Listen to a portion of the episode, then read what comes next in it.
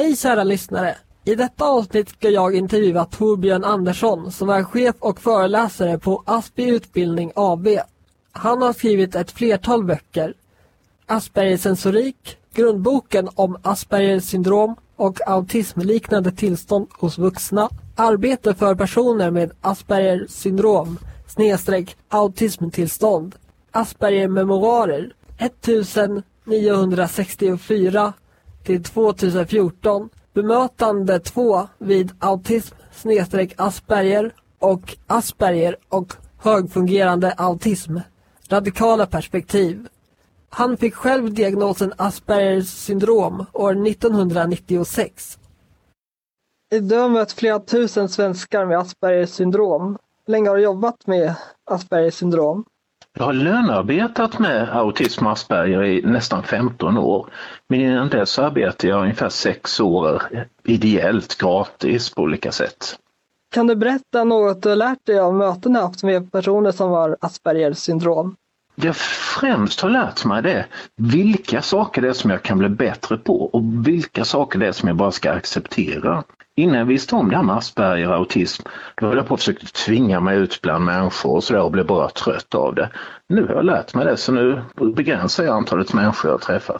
Men däremot så vet jag andra saker som jag kan bli duktig på och de tränar jag på istället. Så jag har fått bättre självinsikt genom att träffa andra. Vad är skillnaden mellan autism och Aspergers syndrom? Det är samma tillstånd, tycker jag och de flesta. Vilka styrkor har människor med de diagnoserna? Ganska många är ovanligt ärliga och en hel del är originella också. De har hittat sina egna vägar. Och de är ofta hängivna det som de sysslar med, det som de är intresserade av och väldigt duktiga på det. Sen finns det ju sådana här riktiga specialförmågor så att en del var väldigt duktiga på att visualisera, det vill säga tänka i bilder. Men många har specialförmågor. Vad tycker du är positivt med diagnoserna? Mest positivt för mig är att man måste finna sina egna vägar. Man kan inte bara göra som alla andra utan man är verkligen tvungen att uppfinna och bygga sitt liv. Och det är jättekul när det lyckas. Men det är inte så kul om man inte klarar av det. Vad tycker du är viktigast att känna till om diagnoserna? Autisttillstånd är medfödda och livslånga, det är ingenting som kan botas. Sen ska man ha bra värderingar, man ska veta att vi är inte sämre än icke-autister. Dessutom ska man veta att vi autister är experterna och att det finns andra synsätt än psykiatrins synsätt på autism. Hur visar sig Aspergers syndrom hos pojkar respektive flickor? Men man kan säga att i genomsnitt så tycker jag att pojkar har mer tydliga specialintressen som de talar om, tåg eller vad det är. Och i genomsnitt så är flickor lite skickligare på att anpassa sig. Vid vilken ålder tycker du att det är bäst att få diagnosen autismspektrumdiagnos? Man bör få diagnosen när man behöver den. Och det innebär att det är väldigt olika åldrar för olika personer. Hur menar du med behöva den? Jo, när man till exempel behöver stöd eller något, gå i särskild Asperger autismklass eller för sin försörjning. Och en del kanske behöver sån hjälp redan är två, tre år, andra när de börjar skolan. Men man kan säga att många nu tycker jag får diagnosen för sent. Jag tycker det är mycket bättre ofta att de får diagnosen vid skolstarten än när de är tonåringar, för då har de hunnit få så mycket följdproblem.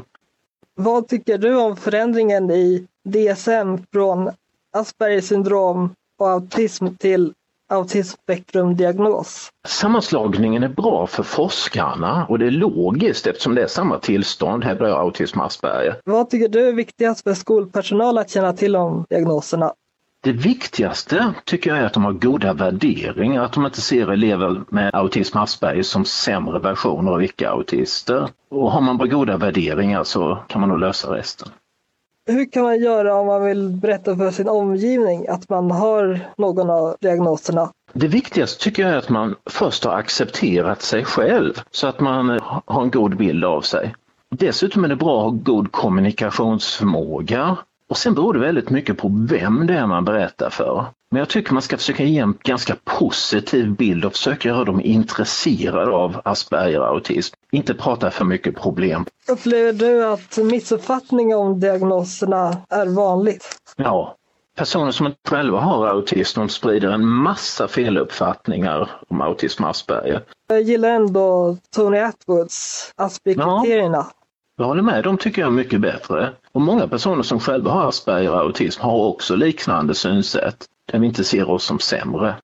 Vad betyder Aspergers syndrom för dig? Det är egentligen, vi kan säga så här att det betyder egentligen inte så mycket, men det som intresserar mig det är återigen det är hur man bygger ett bra liv som annorlunda människa.